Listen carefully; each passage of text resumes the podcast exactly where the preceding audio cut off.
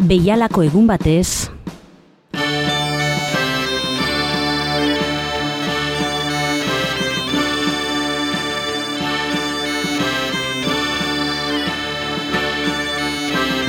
Agur eta ongi etorri Bilbo iria irratiko entzule zaren hori.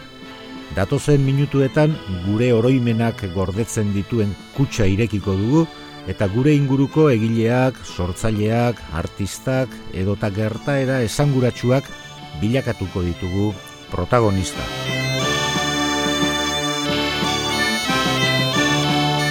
Gaurko gure programa honetan apaiza, hizkuntzalaria, izan zen gizon baten aipuak egitera gatozkizue. Askoren aburuz, gure hizkuntzak izan duen inoizko euskalaririk bikainetarikoa eta saiatuenetariko bat. Resurrezion Maria, azkue lekeitiarra.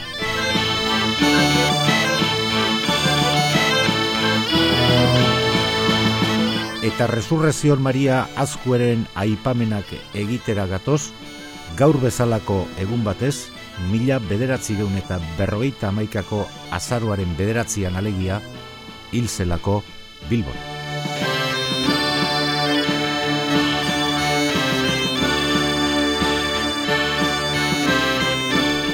Eta besterik gabe, goazen ba, Resurrezion Maria de Azkueren biografian murgiltzen. Ama mundakarra zuen eta aita lekeitiarra. Eusebio Maria Azkue poeta. Resurrezion gazteak lehenengo itxas ikasketak egin zituen bere herrian. Amala burterekin Bilbora joan zen batxilerra ikastera, eta horren ondoren gazteizera eta salamankara teologia eta filosofia ikasketak egitera. Mila sortzireun eta larogeita sortzigarren urtean apaiztu zen arte. Hogeita laburte zituen. Urte hartan berean, Bilboko Institutuko Euskera Katedran irakasle izateko lehiaketa deialdia irabazi zuen. Deialdi hartara, Sabino Aranagoiri Euskal Abertzaletasunaren aita, eta Miguel Unamuno idazle eta pentsalaria aurkeztu ziren azkuerekin batera, eta azken honek irabazi zuen lehiaketa. Orduz geroztik, Bilbon finkatu zuen bizilekua, eta hiri hartatik abiatuz, garatu zituen bere proiektuak. Azteko katedrari lotua hainbat argitalpen egin zituen. Horrela, mila sortzireun eta laroita maikan, arau logikoen bidez Euskal Aditzaren jatorrizko formak eman nahi dituen Euskal Izkindea gramatika Euskara eman zuen argitara.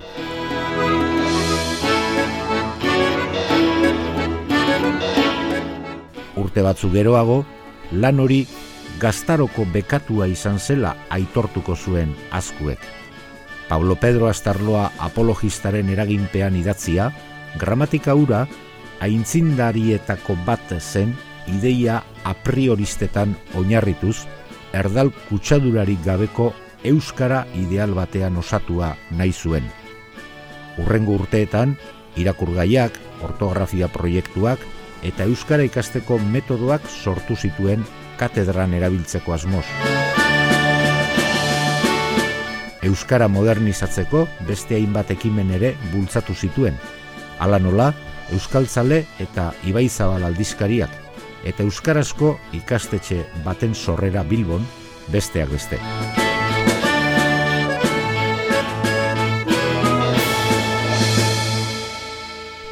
Badirudi prensa artikulu batzuetan keskatua agertu zela hirietako toponimia gero eta erdaldunago bihurtzen ari zela eta.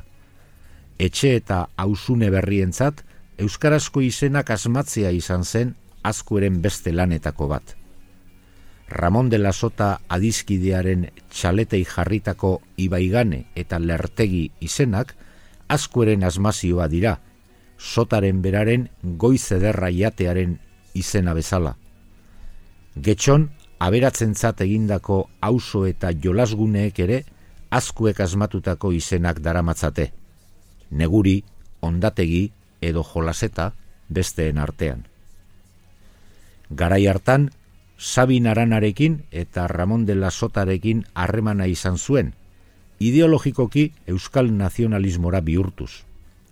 Beraz, sarri esan denaz bestera, asko etxen karlista izan, baizik eta gazterik egin zuen abertzaletasunaren autua, naiz eta gai askotan, aranarekin eta aranazaleekin batez etorri, batipat euskarari buruz.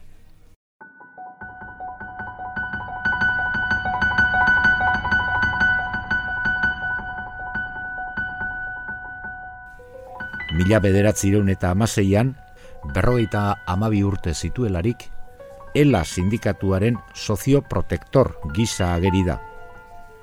Azkueren nazionalismoa kultura zaleagoa zen, aranazaleek nabarmendu nahi zituzten arraza ezaugarrien aldean. Hala ere, etzen alderdi gizona, eta identifikazio politikoa saiestu egin zuen. Politika zuzena baino maiteago zuen kulturarloko ekintza.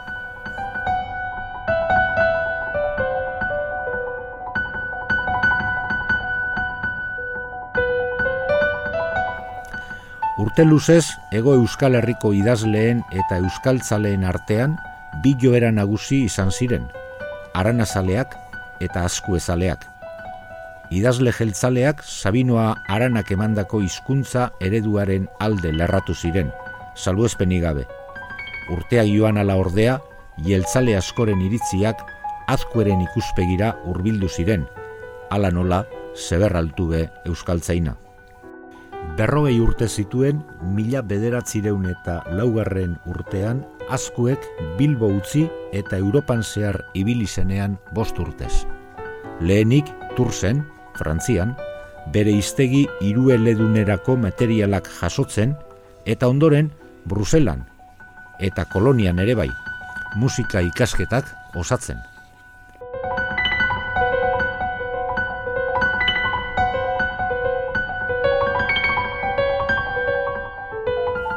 Mila bederatzireun eta bederatzian Bilbora itzuli zen eta katedrako eskolak emateaz gain zenbait opera konposatu eta taularatu zituen. Adibidez, hortzuri mila bederatzireun eta amaikan edota urlo mila bederatzireun eta amalauan. Richard Wagneren ereduari jarraituz egindako obra komplezu eta estenografia landukoak ziren, publiko eskolatu bat entzat eginak. Azken obra horrekin izandako porrotaren ondoren, hizkuntzalaritza lanetan murgildu zen berriro, bereziki Euskal Akademiaren sorrera bultzatuz. Alabada, mila bederatzireun eta amazortzian, Eusko ikaskuntzaren lehen biltzarra deitu zenean, Euskaltza Indiaren premia agerian gelditu zen, eta bera izan zen Euskal Akademiaren sortzaile nagusia, eta haren lendabiziko lendakaria mila bederatzireun eta emeretzian. Azkuek orduan berrogeita amabosturte zituen.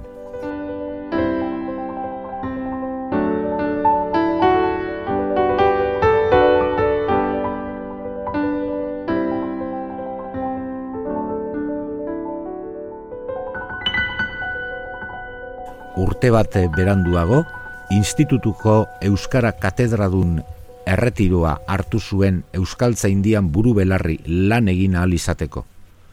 Akademiatik Euskara arautzeko eta sustatzeko ekimenak bultzatu zituen, baina erakunde ofizialen bazterketa eta sabindar ertsienen oposizioa jasan zuen. Horren ondorioz, ikerketara bideratu zituen bere aleginak. Garai hartan, morfologia baska, gramatika lana eta kanzionero basko herrikantuen bilduma erralduia gauzatu zituen. Paskuetan danalek gerena paskua maiatzekoa. Paskua maiatzekua zanda jaikinintzaren goizian. Jaikinintzaren goizian eta pasiatzeko kalian Pasiatzeko kalian eta egunian da gaubian. Real Academia de la Lengua Españolako kide ere izendatu zuten Euskararen ordezkari gisa mila bederatzireun eta hogeita zazpian. Mila bederatzireun eta hogeita mabostean, Euskal Herriaren jakintza folklore bilduma argitaratzen hasi zen eta urte bereko Gipuzkera osotua proiektuarekin Euskara idatzi batu bat proposatu zuen. Eure lastana kalian dabil aide handiak konplitzen Aide handiak konplitzen eta konbitearen emaiten Espainiako Gerra Zibila amaitu eta gero, Franco diktadoreak agintea eskuratu zuenetik, Euskaltza Indiaren jauna etenda geratu zen. Azkuek, erbestea saiestea lortu zuen, ordurako aski zaharra baitzen, eta politikoki ez oso nabarmendua. Zenbait ibiliren ondoren, Euskaltza India berrantolatzeko baimena lortu zuen mila bederatzireun eta berrogeita batean, eta lan hartan Federico Krubig gaztearen laguntza izan zuen. Hala ere, katakunben garaiak ziren, eta jarduera oso urria izan zuen garai hartan akademiak. Lekeitiarra ordea, egunero joaten zen Bilboko egoitzara lanera. Esan dugun bezala, Resurrezion Maria Azkue, mila bederatzireun eta berrogeita maian hil zen, ez beharrez, Bilboko Ibaizabal Ibaira erori eta egun batzuetara. Laro zazpi urterekin eman zuen azken arnasa.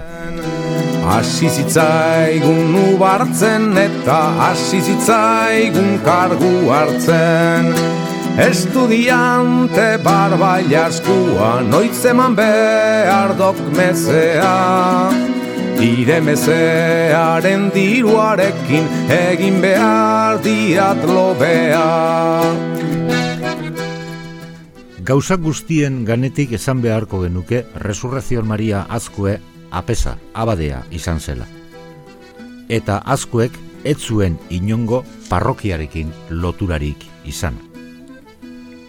Honekin batera esan, Azkueren biografian ezagutzen ezten alderdi bata Jesusen lagundian sartzeko izan zuen asmoa. Baina Zumaian, Txomin Agirre adizkideak hartutako erabaki hori hobeto hausnar zezala eskatu zion, eta ur erretan geratu ziren jesuita izateko asmoak. Azkue apesaren alderdi garraintzitsua bere sermoiek betetzen dute. Igandero, mila sortzireun eta larogeita bederatzian hasita tursera joan arte, Bilboko Santiago Basilikan egiten zuen sermoia, Euskaraz, goizeko zeietako mesatan. Horrez gainera, Euskaraz hitz egiteko zeukan errestasun eta mintzaira ederragatik, jai, irurren eta beste antzerako elizkizunetan sermoiak egitera deitua izaten zen. Apez izateak eta musikarako zeukan joerak, antolatu ziren eliz musikazko jardunaldi ia guztietan partaide izatera bultzatu zuten. Alaberrezan, hiru apes ekintza zirela askuerentzat gogoko. Apesteriaren batasun apostolikoa, apes ostegunen erakundea eta Espainiar atzerriratuenganako laguntza. Resurrezion Maria Azkue argitarazle, idazle eta islari. Apaiztu nintzen urtean, dioskuberak, La abeja izeneko aldizkaritxo bat argitaratu genuen lau edo bost lagunen artean.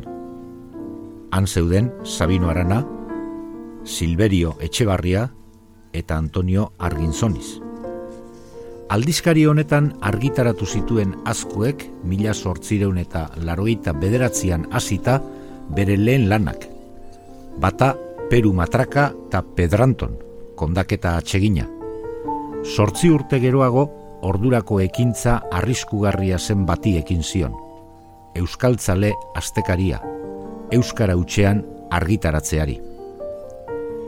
Hiru urte iraun zuen astekariak, mila sortzireun eta larogeita amazazpitik, larogeita emeretzira, eta Euskara utxean agertzearen debekatua izan zen. Baina Euskararen zabalkundearentzat lanean jarraitu zuen azkuek, eta mila bederatzireun eta bian kirikino zuzendari ofizial gisa jarriz, Ibai Zabal aldizkaria atera zuen, bizkaieraz eta gipuzkeraz. bi urtetan kaleratu zena. Itzaldiak ere ugari eman zituen. Batzuk aipatze aldera, ona hemen batzuk. Euskal Herri musikaz, Euskararen zabalkunde eta euspenerako biderik egokienak. Euskararen asentuaz. Oinarrizko eskola Alemanian. Euskal Herri musikaz, berriro ere. Euskal fonetikaz. Euskal semantikaz. Tradizioa gure elizako herri musikan eta abar luze bat. Gehienak mila bederatzireun eta mila bederatzireun da hogeita amar bitartean.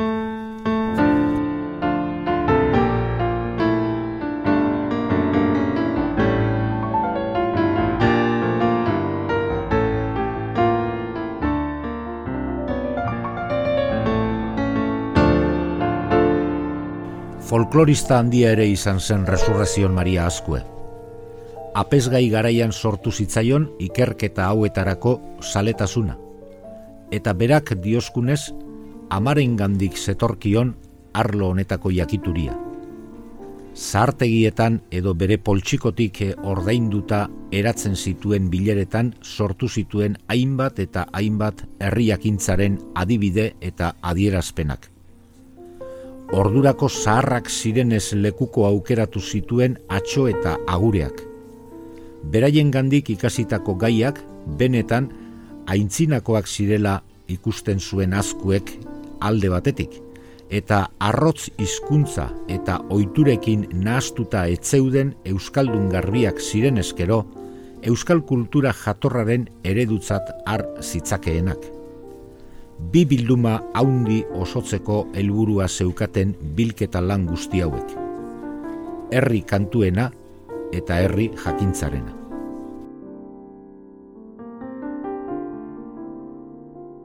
Goazen Euskal Herri kantutegia aipatzera.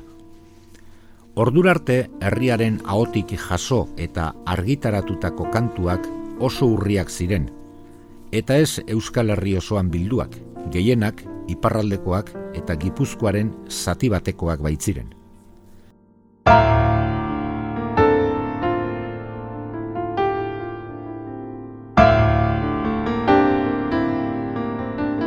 Gure herriaren musika altxorra askoz ere aberatsagoa zela ikusi zuen azkuek, eta gero Jose Antonio Donostiak. Beraz, iztegi gintza lanean hasi zenean, egiten zituen bilera eta bidaietan herrikantuak biltzeari ere ekin zion. Hainbat horri solte, kuaderno eta abar betetzen ziar duen Euskal Herrian zehar, eta Araba, Bizkaia eta Gipuzkoako diputazioek mila bederatzireun eta amabian, Euskal kantutegirik oberena saritzeko lehiaketara dei egin zutenean, mila tigora kantu, doinu eta dantzarakoak bilduta zeuskan askuek. Askueren bilduma, mila bederatzireun eta hogeita bian eta hogeita bost bitartean, amaika tomotan kaleratu zen, Bartzelonan. Cancionero Popular Basko tituluarekin. Bitartean, herri musikaren bilketan ziarduenean, ohitura eta sineskeriak, herri olarkiak, aur jolasak, atzotitzak, esakerak, ahokorapiloak, goitizenak, igarkizunak, ipuin eta irakurgaiak, eta beste biltzen zituen azkuek hizkuntzalaritzako lanak burutu zituenean mila bederatzireun eta hogeita amabian, gai guzti hauek taiutzen hasi zen irurogeita sortzi urte zituelarik. Euskal Herriaren jakintza lautomotan argitaratzeko prestaketa lanetan sartu zen buru belarri. Lehen argitarapena mila bederatzireun eta hogeita amabost eta berrogeita zazpi urteen bitartean kaleratu zen. Kantutegia eta Euskal Herriaren jakintza burutu zituenean, amets bat bete zuen askuek. Gerorako bildu eta finkatu galtzen zegoen herriaren ondarea, berari eta beste folklorista batzuei esker betirako gorde dezakeguna.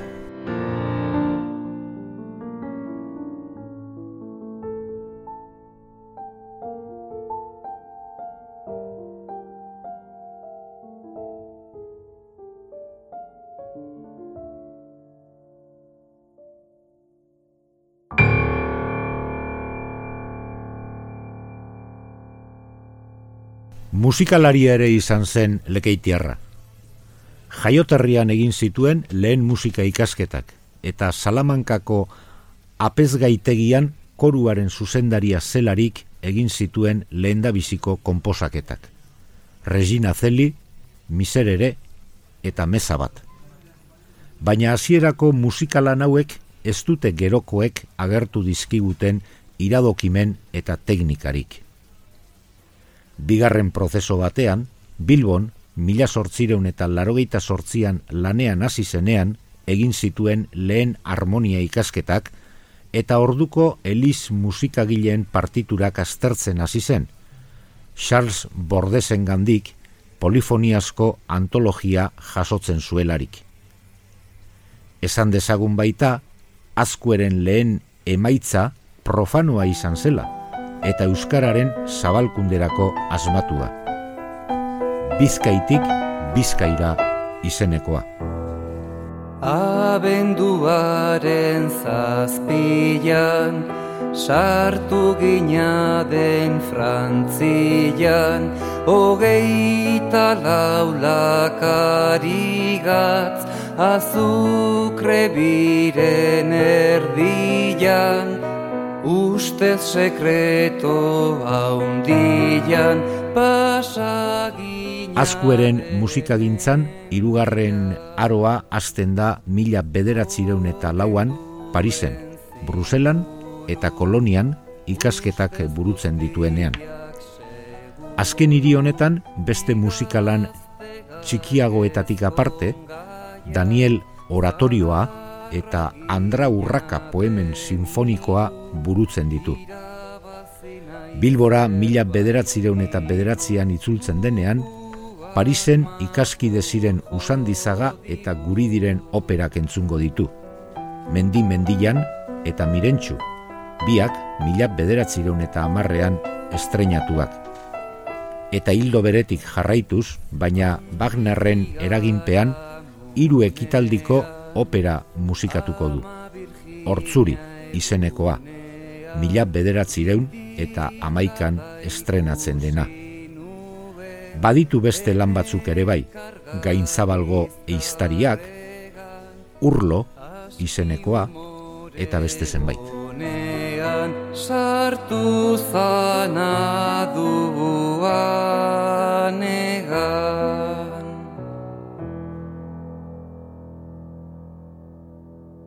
Azkue hizkuntzalari. Hau da izatez, azkueren izaeratik gehien aztertua izan den arloa, eta osperik gehien eman diona, bere bizitzaren etengabeko ekintza izan baitzen. Mila sortzireun eta larogeita sortzian Bilboko Institutuan katedra irabazi zuenetik.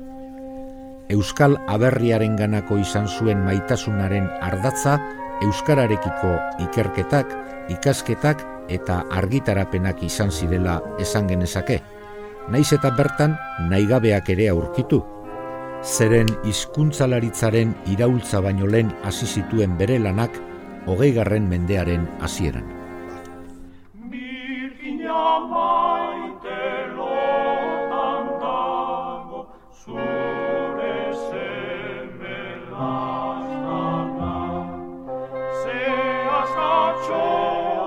Gott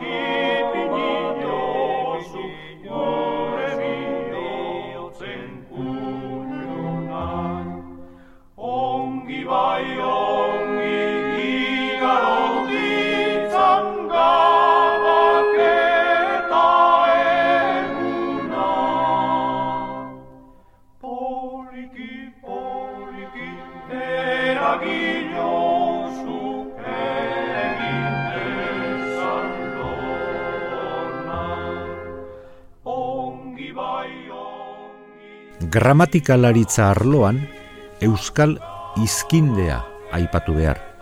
Euskal Katedrarako argitaratzen duen gramatika da azkueren lehen lan sakona. Astarloa, Juan Mateo Zabala eta Kampion dira gramatikari berriaren pentsamoldea elikatzen duten iturriak. Artean, etzituen Bonaparte eta beste hizkuntzalari batzuen lanak ezagutzen eta. Euskara utxean argitaratzen den gramatika dugu, mila sortzireun eta larogeita amaikan. Ordutik, mila bederatzireun eta hogeita iruan, Euskal Morfologia argitaratu arte, zeharau aldatu zen azkueren gramatikarekiko ikuspuntua eta pentsamoldea.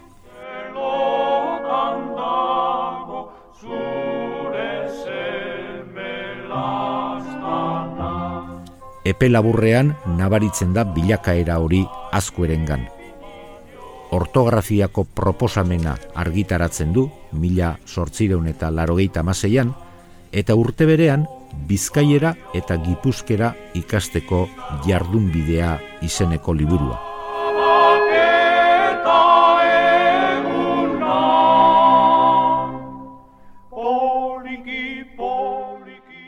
Beranduago beste bi liburu idatziko ditu. Mila sortzireun eta larogeita amazazpian Bizkaieraz elkarrizketan ekiteko esku liburua eta Euskara eunda hogei ikasgaietan. Egia esan ez dira gramatikak aipatutako guztiak, ikasbide edo metodoak baizik. Mila behatzi eun eta amazazpian bukatu zuen Euskararen pedagogia lana, herriko Euskara ikasteko laburpen erraza izeneko liburuarekin.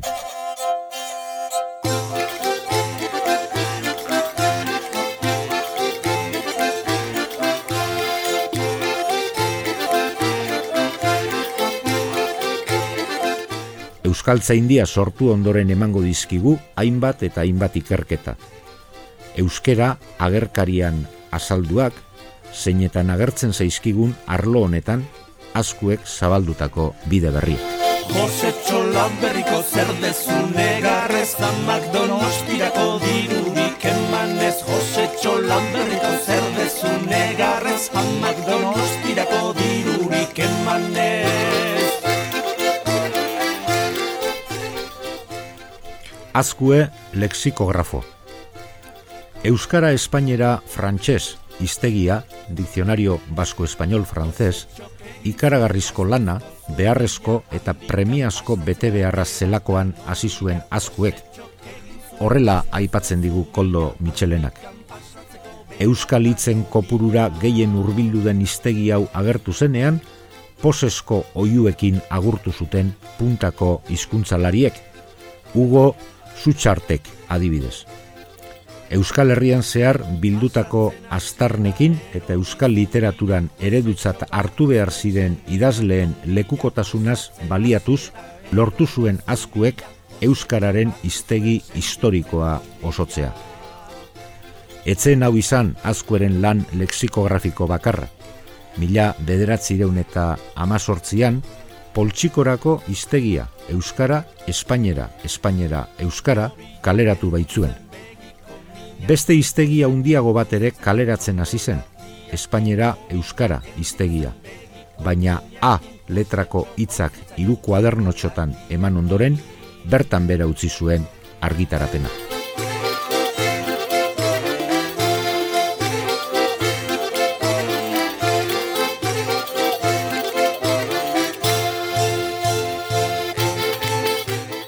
Azkue eta Euskaltzaindia.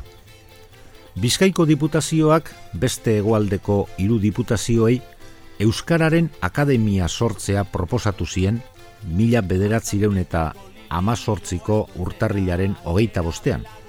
Eta urte bereko irailean, oinatin, Eusko ikaskuntzak eratu zuen biltzarrean onartu zen erakunde honen arautegia.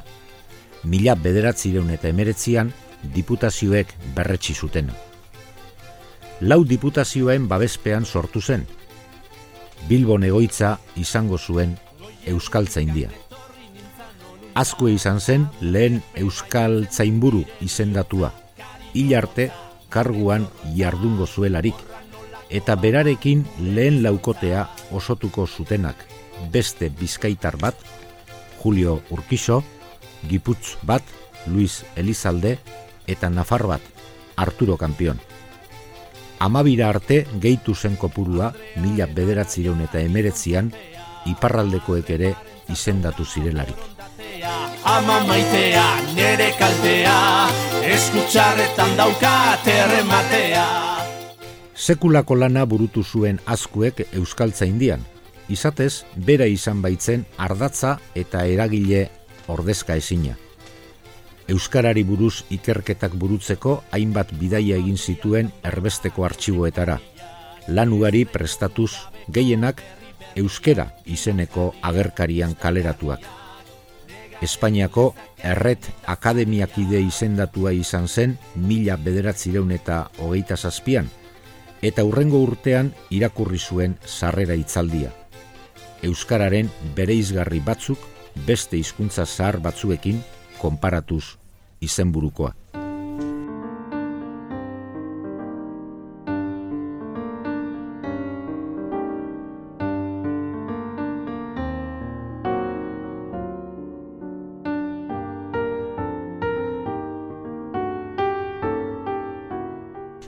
Pariseko elkarte linguistikoaren kidea zen, mila bederatzireun eta bosgarrenetik, eta Errusiako Zientzia Akademiak ere kidetzat hartu zuen mila bederatzireun eta hogeita bian. Beraz, hizkuntzalaritza munduan ospe handia lortu zuen azkuek. Euskaltza indiari atxekitako helburuak betetzen alegindu zen lekeitiarra, hauetariko bat Euskara batuarena hain zuzen. Bonapartek bezala, Gipuzkoako euskalkia eredutzat hartuz, Gipuzkera osotua proposatu zuen, euskalki guztiak bilduz, hizkuntza literarioa suspertzeko.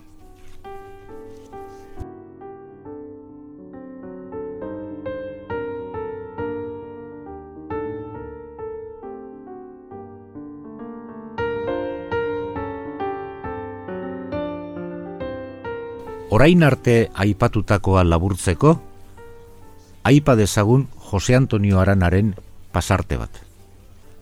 Honela diosku gernikarrak. Azkueren lanak lau zutabe izan zituen. Iztegia, kantutegia, gramatika morfologia eta Euskal Herriaren jakintza. Ez da inoiz egon Euskal Herrian, eta nik uste ez da egongo ere, azkuek beste lan egingo duena euskararen eta euskal kulturaren alde.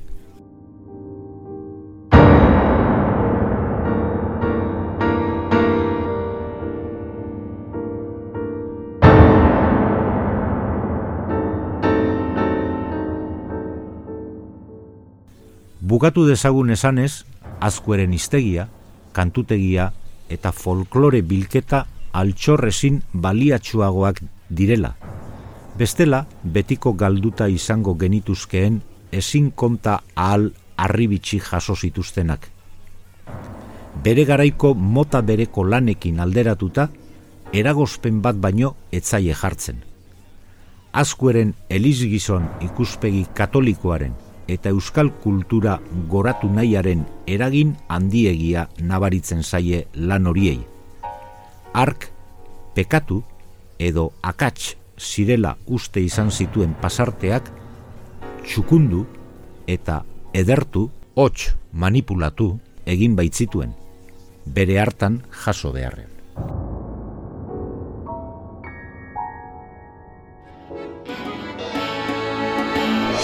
Eta onaino lagunok Resurrezion Maria azkueren aipamenak. Gogoratu, larogeita zazpi urterekin, gaur bezalako egun batez, mila bederatzireun eta berrogeita amaikagarreneko azaruaren bederatzian hil zenean, Euskal kulturako arlo guztietan egindako lanen ondarea utzi zigula azko jaunak. Denetarikoak egin zituen, eta halako pertsona bat bersortzea oso zaila izango da, gure kulturaren benetako erraldoia izan baitzen. Eta zuk entzule, jakizu, lekutxo bat aukazula beti gure programa honetan. Mila esker jarri duzun arretagaitik, ondo izan eta hurrengo batera arte.